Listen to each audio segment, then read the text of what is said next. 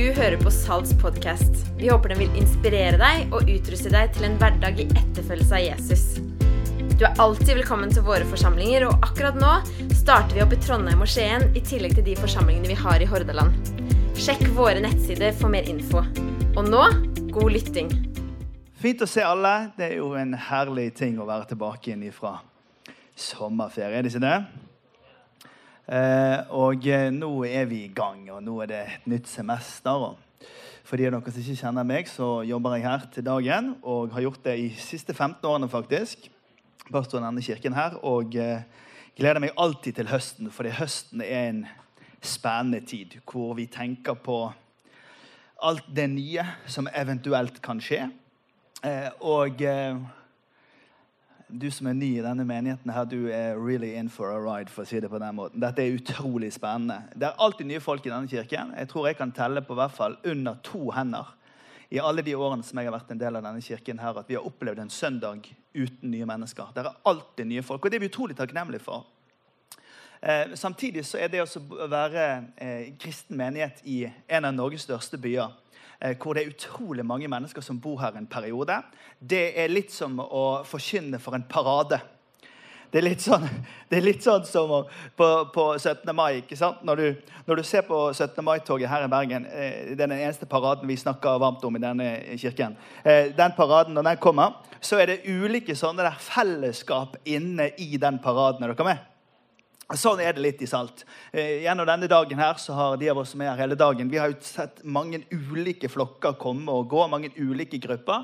Men jeg er veldig opptatt av å si at når vi er liksom i en gruppe i kirken, så vender vi oss hen imot andre for å ønske de velkommen også. Det som gjør 17. mai-tog i Bergen så utrolig bra, det er det ett tog med et voldsomt mangfold som feirer den samme greien. Vi er én kirke som feirer én Jesus. Så er vi mange ulike folk, men vi gjør det fordi vi tror på det samme. Så vi alle sammen tar det ansvaret av at vi både er gjestfrie, men vi er også gjester. For Jesus han var, han var gjest når han var på besøk hos folk, og så var han gjestfri når han var hos folk. Og Det å være kristen det å både å strekke seg inn mot sitt community, sin gjeng, men òg strekke seg ut og inkludere andre. Da blir det bra for alle sammen her. sant? Og jeg er veldig opptatt av at de som ikke tror på Gud så veldig mye i Norge, skal få lov til å få en fair sjanse til å høre hvem Jesus er. Vi tror på det. Vi tror at det er viktig å snakke sant om hvem Jesus er. Eh, og så er vi også nødt til å ta høyde for at de som ikke helt har grepet hvem han er, sitter med mange forestillinger som ofte står i veien for å tørre. Og da tenker jeg at Vi har et ansvar vi som tror på Jesus, vi har et ansvar for å tilrettelegge og inkludere folk i dansen. Er dere med? Jeg skal snakke litt med deg om, dag, eh, om, om, om hva vi er sulten på. Eh, hjemme hos meg så er det sånn at vi deler, eh, vi deler, på dette med å lage middag. da. Sånn at 34 ganger i uken så er det meg, og neste uke er det gjerne hun. 34 ganger. Vi har aldri et regnestykke på det, men jeg lager middag. for å si det sånn. Dette er Norge. ikke sant? Mann og kvinne, og vi, hun jobber, og jeg jobber, og jeg lager mat. Men det som skjer, det er at eh, det er gjerne en time ikke sant? fra jeg kommer hjem, til vi skal spise. Og Når far lager mat hjemme hos oss, så er det brokkoli, det er gulrøtter, Eh, det er, altså, det er, så mye næring i de greiene der eh, at eh, hadde du vært der, så hadde du bare merket at kroppen din ble friskere. Rett og slett bare lukten av det som skulle skje om 60 minutter. Men det som skjer i tiden fra jeg begynner med de grytene, til den maten skal være ferdig, det er at det som skapene på kjøkkenet vår begynner å leve. Det er som om sjokoladeplatene hvisker til ungene. Spis meg! Det er som om liksom det blir en hel åndelig verden oppi skapene. Som chipsposene sier, kjeksene sier. 'Kom og et meg.' Og jeg må holde konen og ungene vekke fra skapene for at de skal nå fram til maten som kommer om 60 minutter. Mennesker er sultne. Mennesker er full av en hunger på innsiden som gjør at jeg må ete nå. Min kone jeg har lov til å fortelle denne historien, men hun er opptatt av at hun aldri skal spise så veldig mye, men hun liker gjerne å smake på det hun har lyst til å spise mye av. Og Det er 20 meter fra vårt kjøkken til vår fryseboks, men i den fryseboksen på et visst tidspunkt så fant vi x antall ispinner som det var spist ett tygg av. Hvorfor det? Jo, fordi at det er en fristelse som hun ikke kan stå imot. Hun må smake nett litt på det som er der nede. Det å være sulten, det å lengte, det å hungre, det styrer livene våre. Og vi er opptatt av mat. Vi skal forberede maten, vi skal sanke maten. Noen av oss må til og med skyte maten, fiske maten.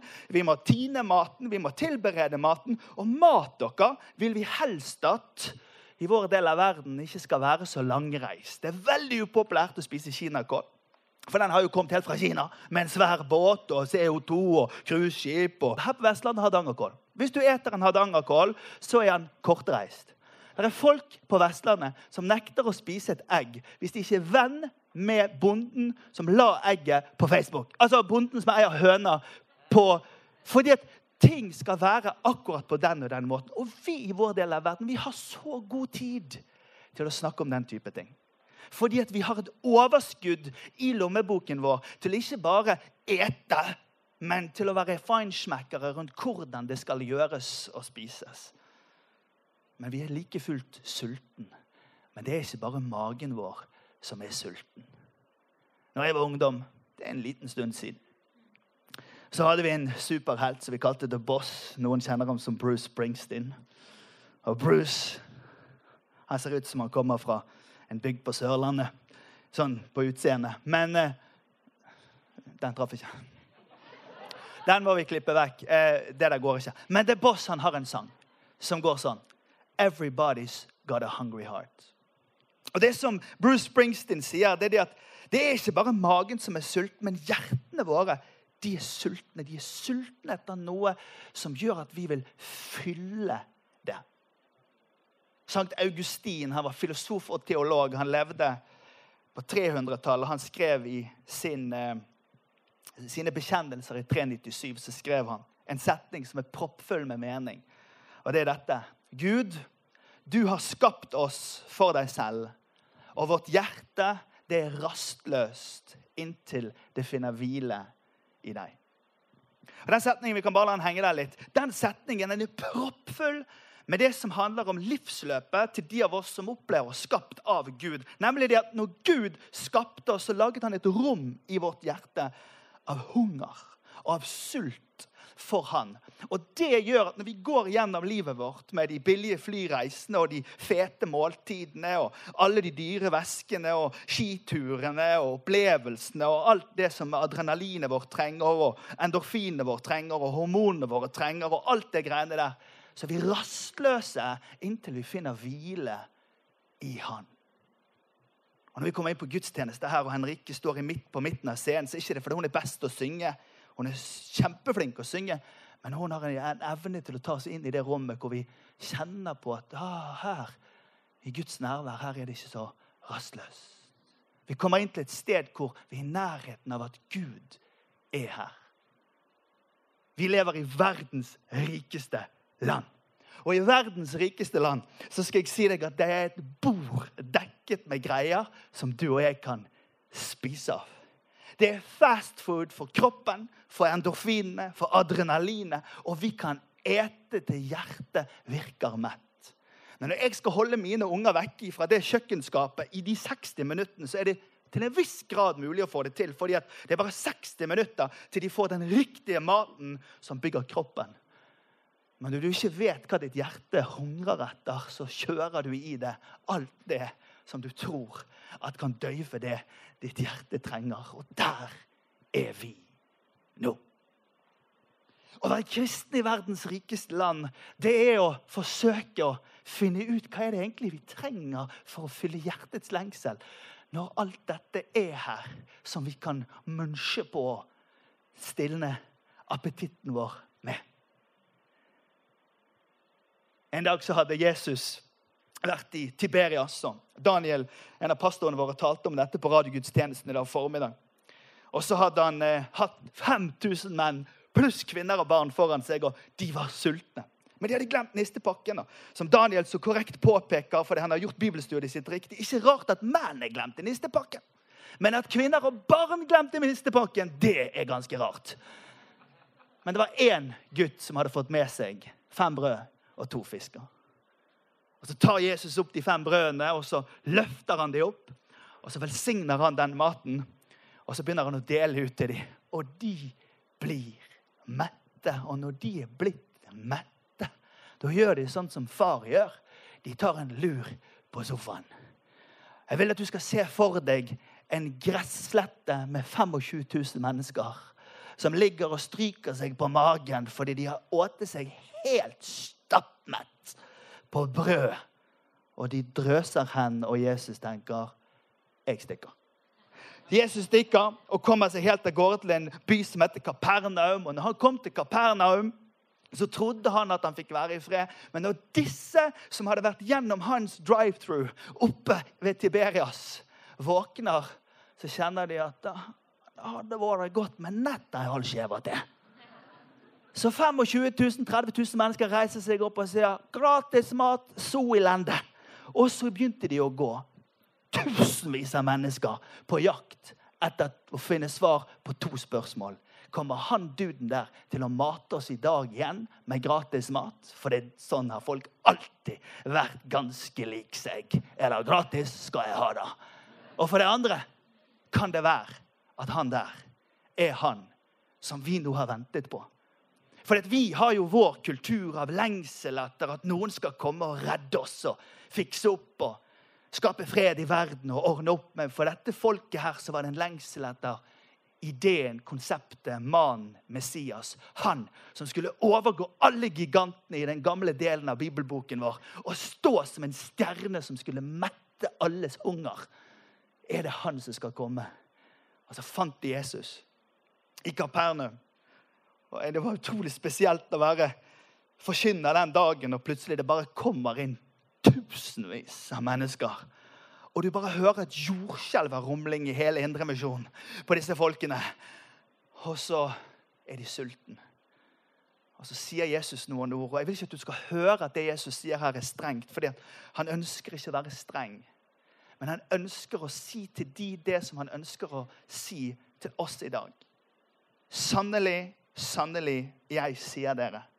Dere leter ikke etter meg fordi dere har sett et tegn, men fordi dere spiste av brødene og ble mette.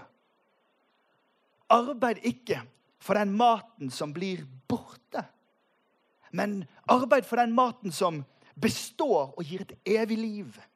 Den som menneskesønnen vil gi dere, for på ham har far Gud selv satt sitt seil. Vi kommer opp foran Jesus søndag til gudstjeneste verden over. Og jeg kommer der sjøl. For vi kommer sammen. Fordi at hendene hans kanskje i dag kan gi oss den restplassen på det studiet som vi ikke fikk. Eller den lønnsøkningen som vi trenger fordi vi kjøpte en litt for dyr leilighet. Eller å få mettet det kjærlighetsbehovet fordi det skjærte seg med han kjæresten som jeg hadde i sommer. Fordi vi kommer til Gud når vi er syke, og når vi er fattige, og når vi har utfordringer og vi søker Hans hender. Men det Jesus gjør her, uten å være kjip og avvisende, det er at han løfter blikket deres opp og så sier han, det fins en mat dere. Som ikke handler om transaksjonen av at jeg åpner kjøleskapet eller tømmer fryseren eller setter over penger på din konto. Det fins en transaksjon som metter et sultent hjerte. Vi bor her. I verdens rikeste land.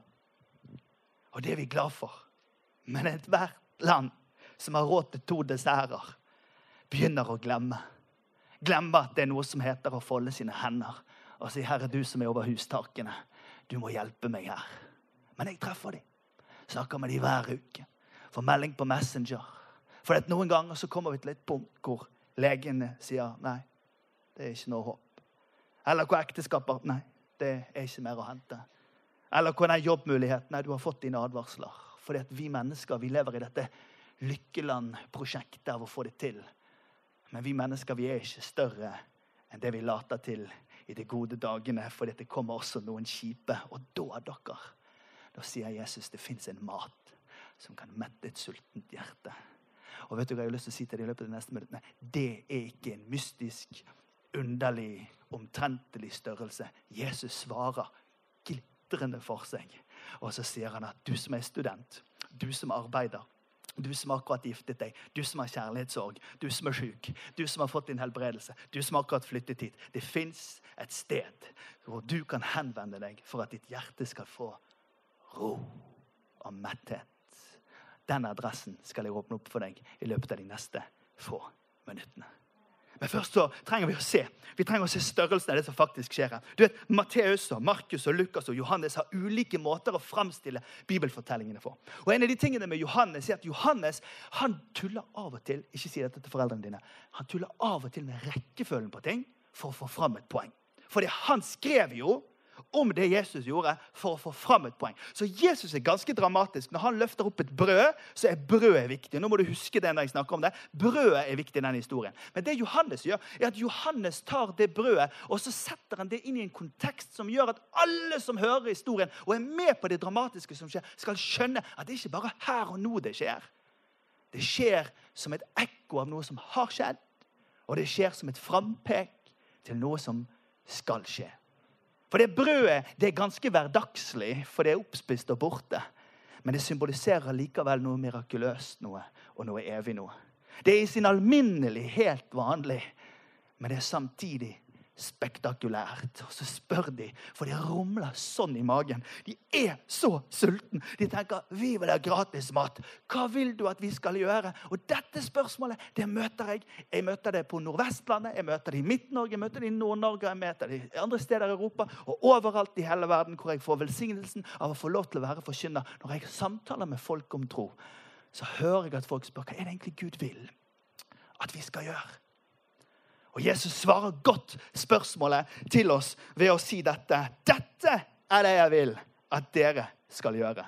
Jeg vil at dere skal tro på Gud og den som han har sendt. Altså Det han vil at vi som studerer psykologi, skal gjøre. Det som han vil at vi som borer brønner ute i Nordsjøen, skal gjøre.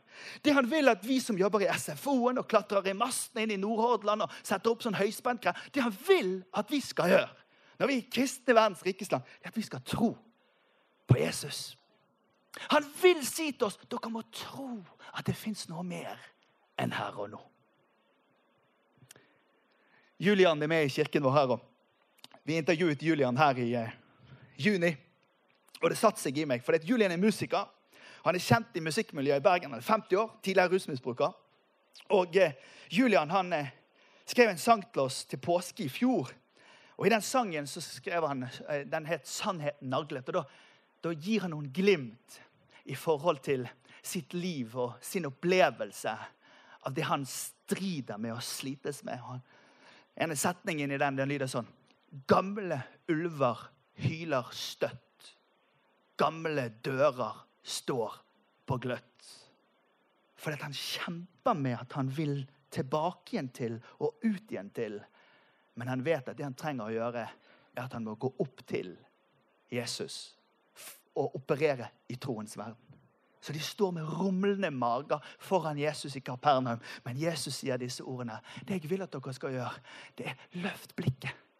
Ikke bare kom når dere har problemer med helsen. Ikke bare kom når kontoen er tom. Ikke bare kom når dere sliter med relasjonene deres. Løft blikket opp i troens verden. For i troens verden fins det en mat som metter et sultent hjerte. Julian sier det at vet du hva, jeg er så glad for at jeg fikk lov til å være med i denne Saltkirken i Bergen. Du vet, Julian han, han går her, eh, og så går han i domkirken. For han syns det liker kontrastene. så Han syns det er litt høy lyd her noen ganger. Og så kan han sitte helt stille i domkirken noen ganger hvis de har tommel opp Julian. Men Julian skulker ikke Life-gruppen. Life-gruppen det er smågruppen her i kirken vår. Julian sier det at jeg skulker aldri den. For derfor jeg møter en ingeniør, en dataekspert, en kristendomsstudent, en syrisk flyktning. Og I den gruppen der har jeg lært en viktig ting om tro. Og det er at troen min vokser når jeg deler den. Løft blikket ditt til troens verden og tro at det som metter, det er det som Jesus kan gi. Men de står jo der, og de er så sulten. Jeg har tre barn.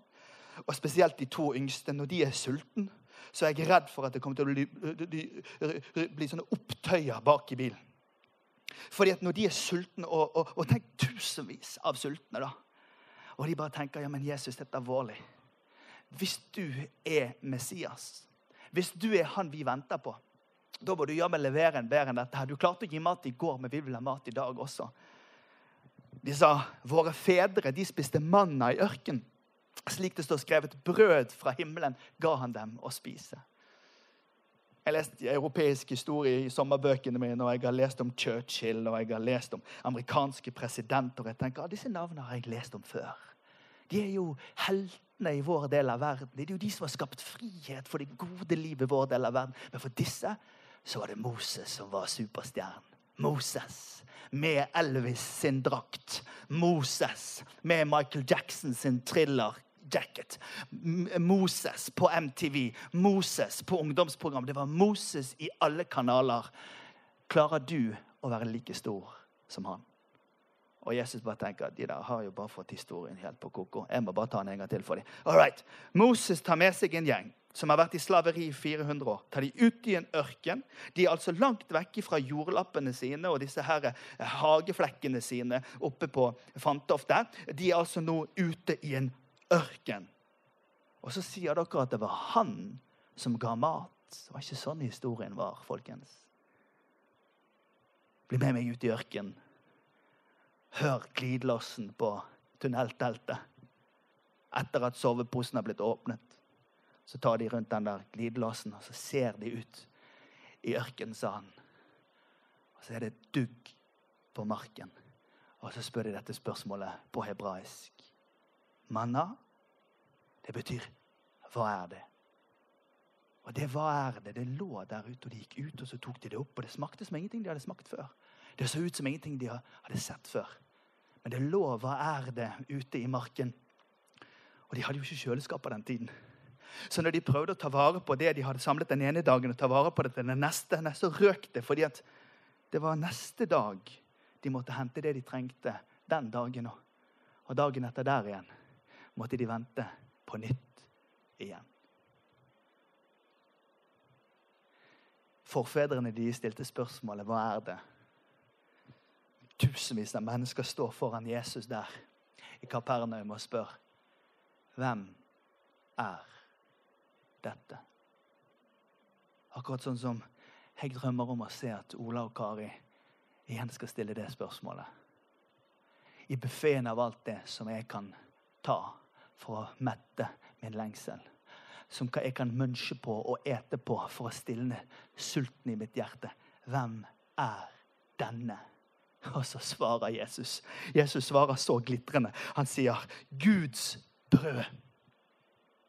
Det er det brødet som kommer ned fra himmelen, og som gir verden liv. Og Da sa de til ham, 'Herre, gi oss alltid dette brødet. Og så svarte Jesus, og nå vil jeg at du skal tenke deg inn i forelesningssalen på Handelshøyskolen.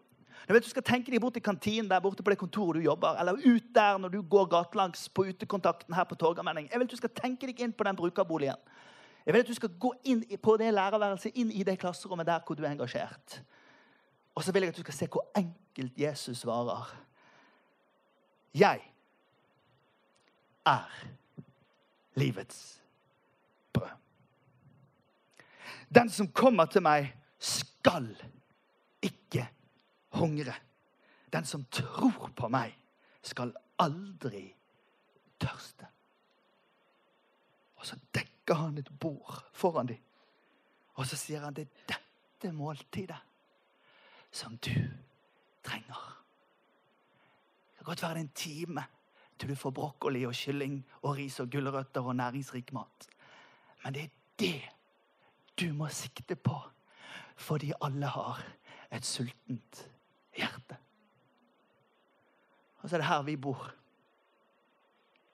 Og så kan du reise på den billige flyreisen, og så kan du kjøpe den dyre vesken, og så kan du skrive det på CV-en, og så kan du være med på den idretten, og så kan du bygge bicepsen din så stor, og så kan du reise på den hytten der oppe, og så kan du helst være der borte, og så må du sammenligne det med alle de andre under lyset av smarttelefonen før du legger deg, og så lurer vi på hvorfor ødelegger vi appetitten vår?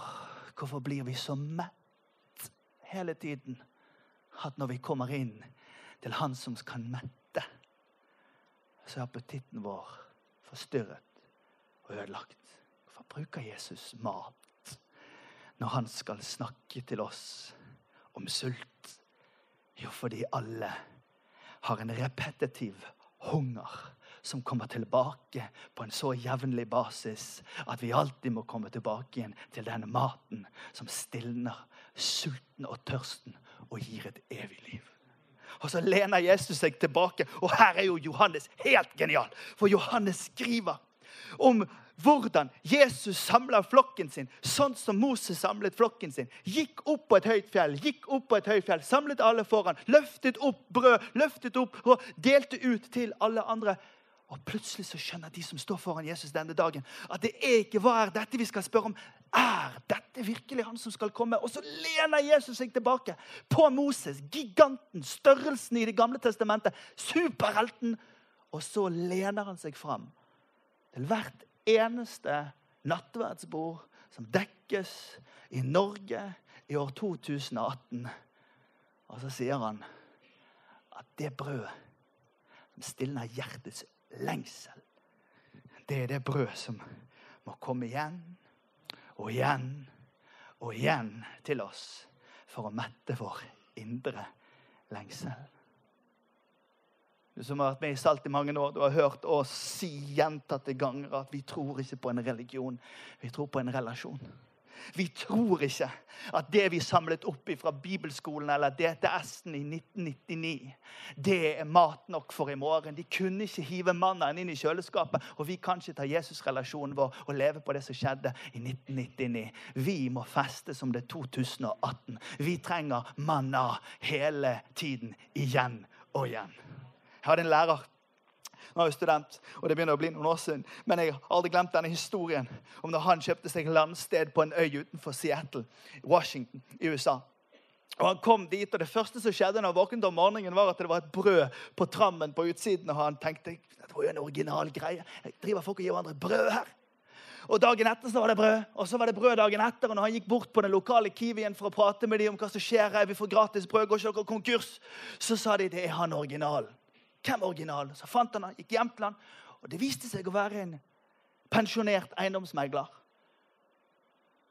Med veldig mye penger og god tid. Som drev og brakte brød til folk. Og han spurte litt rundt hva de likte. liksom Om det var en som likte å ha fullkornbrød, om det var en som likte å ha sirup i brød, om det var en som likte å ha mørkt, noen som likte lyst. Han drev og tilpasset det brødet han ga til folk. Det er litt spesielt. Så han dro hjem til han, og når han kom hjem til oss, så sa hvorfor gjør du dette greiene? Det er jo veldig vennlig, men hvorfor gjør du det? Jeg må jo, jeg må jo holde liv i det. sa han. Holde Unnskyld? Er det en det vi holder liv i? Fortell. Ja, bli med og se. Inn, åpner opp kjøleskapet, og inne i kjøleskapet så er det altså et metallskrin med sånn mugg på, sånn dun, som vokser. Det heter en surdeigstarter. Det ser skummelt ut. Alright? Dette har han inne i kjøleskapet. Og min professor han bare Hva sier din kone til dette? Nei, Hun hater det. Ja, Men hva gjør du når du er på reise? da? Jeg tar det med meg. Altså, Han hadde laget en liten veske hvor han dro med seg surdeigstarteren sin. Tenk, Prøv den på en flyplass. Det er hva du har oppi der. da? Det er ikke en bombe, altså. Det er bare en sånn der eh, Historien forteller at pionerene til Alaska brukte å ha surdeigstarteren sin i sånne små beholdere så de hadde helt inntil huden i tundrakulden oppe i skogene der. For hvis surdeigstarteren døde, så kunne ikke de bake brød lenger. Jeg må jo holde liv i det. Så det han gjorde, det var at han tok ut litt surdeigstarter hver dag. Bakte brød, ga det til Kåre og litt til Bob og litt til Bjarne og litt til Karianne. Og så når han hadde gjort det, så fylte han på litt mel og litt destillerte vann. Hans surdeigstarter var 200 år gammel.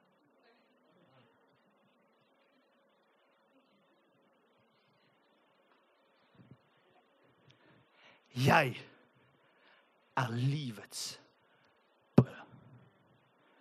Den som kommer til meg og spiser av det som jeg vil mette hjertet ditt med, skal aldri igjen hungre. Og skal aldri igjen tørste. Og så lærer Julian oss, 50 år tidligere rusmisbruker, at det er én ting jeg har lært meg om troen min. Så er det det at når jeg gir han vekk, så vokser han. Det er akkurat som om Jesus inviterer oss inn i hele bakeriet. Og sier til oss at i det at vi hver dag erfarer han igjen, så er det som om når vi erfarer han igjen, så er han der plutselig igjen. For når jeg skal gi mine barn friskt brød, altså konseptet friskt brød skal opprettholdes på en torsdag, så må jeg gå på Kiwi og hente det friske brødet på torsdag. Jeg kan ikke si at det fra onsdag er friskt på torsdag. Så at det konseptet av friskt brød må fornyes for at konseptet skal opprettholdes. Og Så går glidelåsen opp ut i ørkenen, og så spør de spørsmålet hva, hva er det? Og så tenkte jeg at det største som har skjedd i verdenshistorien, er at Moses ga oss brød. Nei. Det største som har skjedd i verdenshistorien, det er at du fikk en forrett i en ørken for tusenvis av år siden. Du fikk det brødet helt før måltidet kom. Men nå står måltidet her. Jeg er livets brød. Og den som spiser meg, ikke bare det jeg gir av mine velsignelser fra mine hender, men den som ser mitt ansikt og mettes av meg, skal aldri igjen hungre og tørste. Og så kommer vi inn på gudstjeneste på Riks. Og hodet vårt er stappfullt av alt som professoren sa. Og vi er helt for alt professoren sier, for det meste. Men vi tror at troens verden er en annen verden enn den rasjonelle. I den forstand at det fins en metning som bare han kan gi. Og Så kommer vi inn i et sånt rom som dette, og så blir sangene enkle. Jesus, takk for alt du gir meg. Jesus, jeg vil gi deg alt navnet Jesus. Og det bråker i den rasjonelle strukturen i hodene våre. For det skal jo være mer komplisert enn dette. Buffeen er jo mangslung og voldsom. Men så er det et enkelt rom hvor det blir helt tydelig at everybody's got a hungry heart. Og så er det ett navn. Navnet Jesus. Det er det som metter vår indre lengsel. Og så handler det ikke om vår intellektuelle kapasitet eller vår karriere. Men det er i troens verden at han metter våre liv.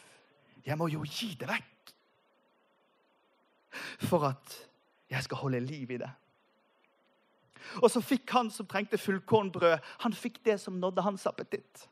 Og han som hadde lyst på sånn sirupsbrød, han fikk det som var smaken på hans gane. Jeg lengter at vi skal få lov til å se i Norge.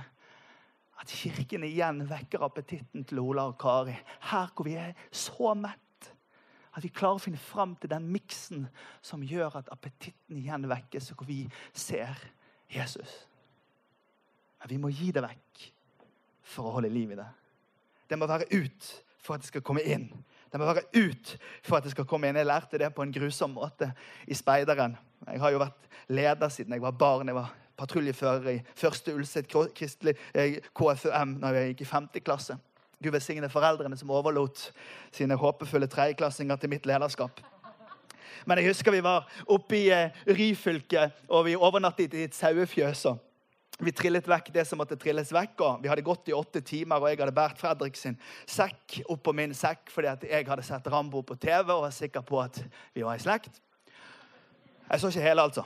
Eh, så, så Eh, så sover vi der, og da spiste vi en halv kylling og en pose chips hver før vi la oss. Og vi var så sliten, og vi var så tørst. Så når vi av en, en eller annen type sånn, Enten hadde vi besvimt, eller så var vi bare utmattet. Men vi sov for noen timer. Men da vi våknet, vi våknet i harmoni, som hjorten lengter etter vann, så lengter min speiderkropp etter å tømme. Og vi så Coca-Cola-skip, luftballonger. Vi så Hindenburg fly inn med Coca-Cola-skilt på. Og Vi trodde, vi bare sprang i en retning. Og da hadde vi lest i Hakspettboken at du skal aldri drikke vann uten å ha undersøkt om det er sunt vann. Men vi tenkte skit i Hakkespettboken. Vi kjører det vi trenger. Vi løpte, og vi hadde jo lært det at du skal aldri begynne å drikke før du tar av deg sekken. Men vi knelte, knelte ned og kjørte på, og sekken kom over. Og jeg hadde jo Fredrik sin også. Var det Frode? Jeg husker ikke. I alle fall, Hodene våre gikk rett ned i det vannet. Det er jo aldri flo og fjære i høyfjellet. Men denne dagen var det fjære i høyfjellet. For vi drakk. Du kunne se det der lille tjernet synke. Og når vi hadde drukket lenge nok, så tenkte vi vi må gjøre kontrollundersøkelsen. Renner vann inn og ut her? Og når vi reiste oss opp og sjekket, så tenkte vi ja, vi kan konstatere ingen inn. konstatere ingen ut. Eh, og det lå en padde, en sånn skikkelig feit eh, Statoil-padde, det var jo Rogaland dette, med buken i været rett ved siden av. Vi ble dårlige i magen og vi ble sjuke fordi det var ingen vei ut, og det var ingen vei inn. Og jeg har bare én ting å si. Er det en ting jeg har lært meg gjennom disse årene hvor jeg har fått lov til å jobbe med folk som tror litt og tror mye, så er det at de som gir det vekk, det er de som holder livene. Det er når vi klarer å bake opp det der brødet til hun der på lærerværelset som liker litt sirupsmak i det. Sånn at i vår Jesus-fortelling blir et brød for henne den dagen. Et ord i rett tid. En oppmuntring. En velsignelse.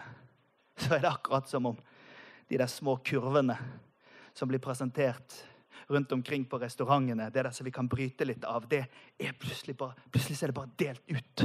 Ikke bare i en by, men i et helt land. Ikke bare i et land, men over en hel verden. Så det er akkurat som om det brødet bare delt ut. Og så om det kunne vekke gans appetitt. Så at vi kjenner det at ja, det er dette jeg lengter etter. Everybody's got a hungry heart. Skal vi reise oss opp sammen? Et sultent hjerte, dere. Det er et hjerte som sier 'Jeg vet at jeg bor i verdens rikeste land'. Og jeg vet at historien om det gode liv den er ganske annerledes enn det vi snakker om i de timene i kirken på søndag. Kanskje det er noe sant i at blant alt dette som ligger der strødd ut på buffeen, så er det faktisk én mat som gjør at når du legger deg om kvelden så sammenligner du ikke deg med han og hun. Du slår deg ikke på skulderen og tenker 'jeg fikk det til'. Men du bare vet at 'Herre, takk at du holder meg'. At du opprettholder meg. At du er nære meg. At du velsigner meg. Og at jeg kan få lov til å leve av deg. Jeg synes det er fantastisk at Jesus tar brødet, dette hverdagslige. Og så viser han oss det evige. Og så minner han oss om at hver gang når vi kjenner at det rumler her inne, så er det rett overfor magesekken et sted som også rumler. Og kanskje det kan være med å minne oss om å ikke bare spise av det gode liv i vår del av verden, men også ta den tiden for at han kan mette våre hjerter. Kanskje vi bare lukker øynene våre hvis du har en lengsel etter en appetitt for Jesus. Herre Jesus, vekk min appetitt igjen. Vekk min hunger. Så at jeg kan si med kong David i kapittel 42 vers 2 i Salmenes bok, som hjorten hyler og skriker og lengter ja, så lengter jeg etter deg. Jesus, vekk min appetitt igjen. Hvis det er deg, og du sier 'Jesus, vekk min appetitt', vekk min appetitt. Lær meg å spise av deg. Lær meg å leve av deg. Så kan du løfte din hånd til Jesus der du står. Så ber vi om det inn mot denne høsten.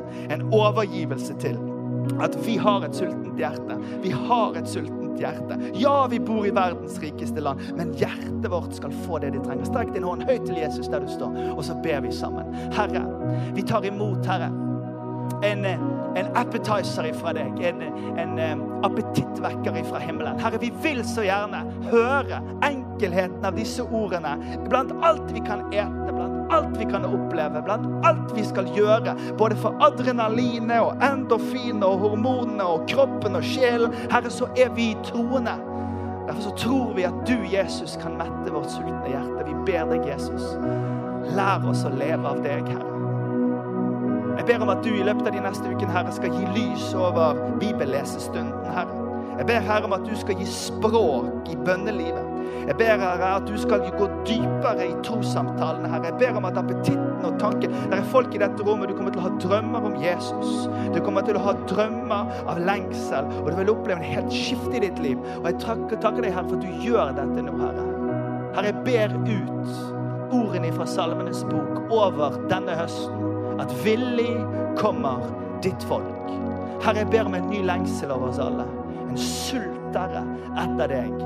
Og en kunnskap om hvordan bli mette. Jeg priser deg for det du gjør i dette rommet.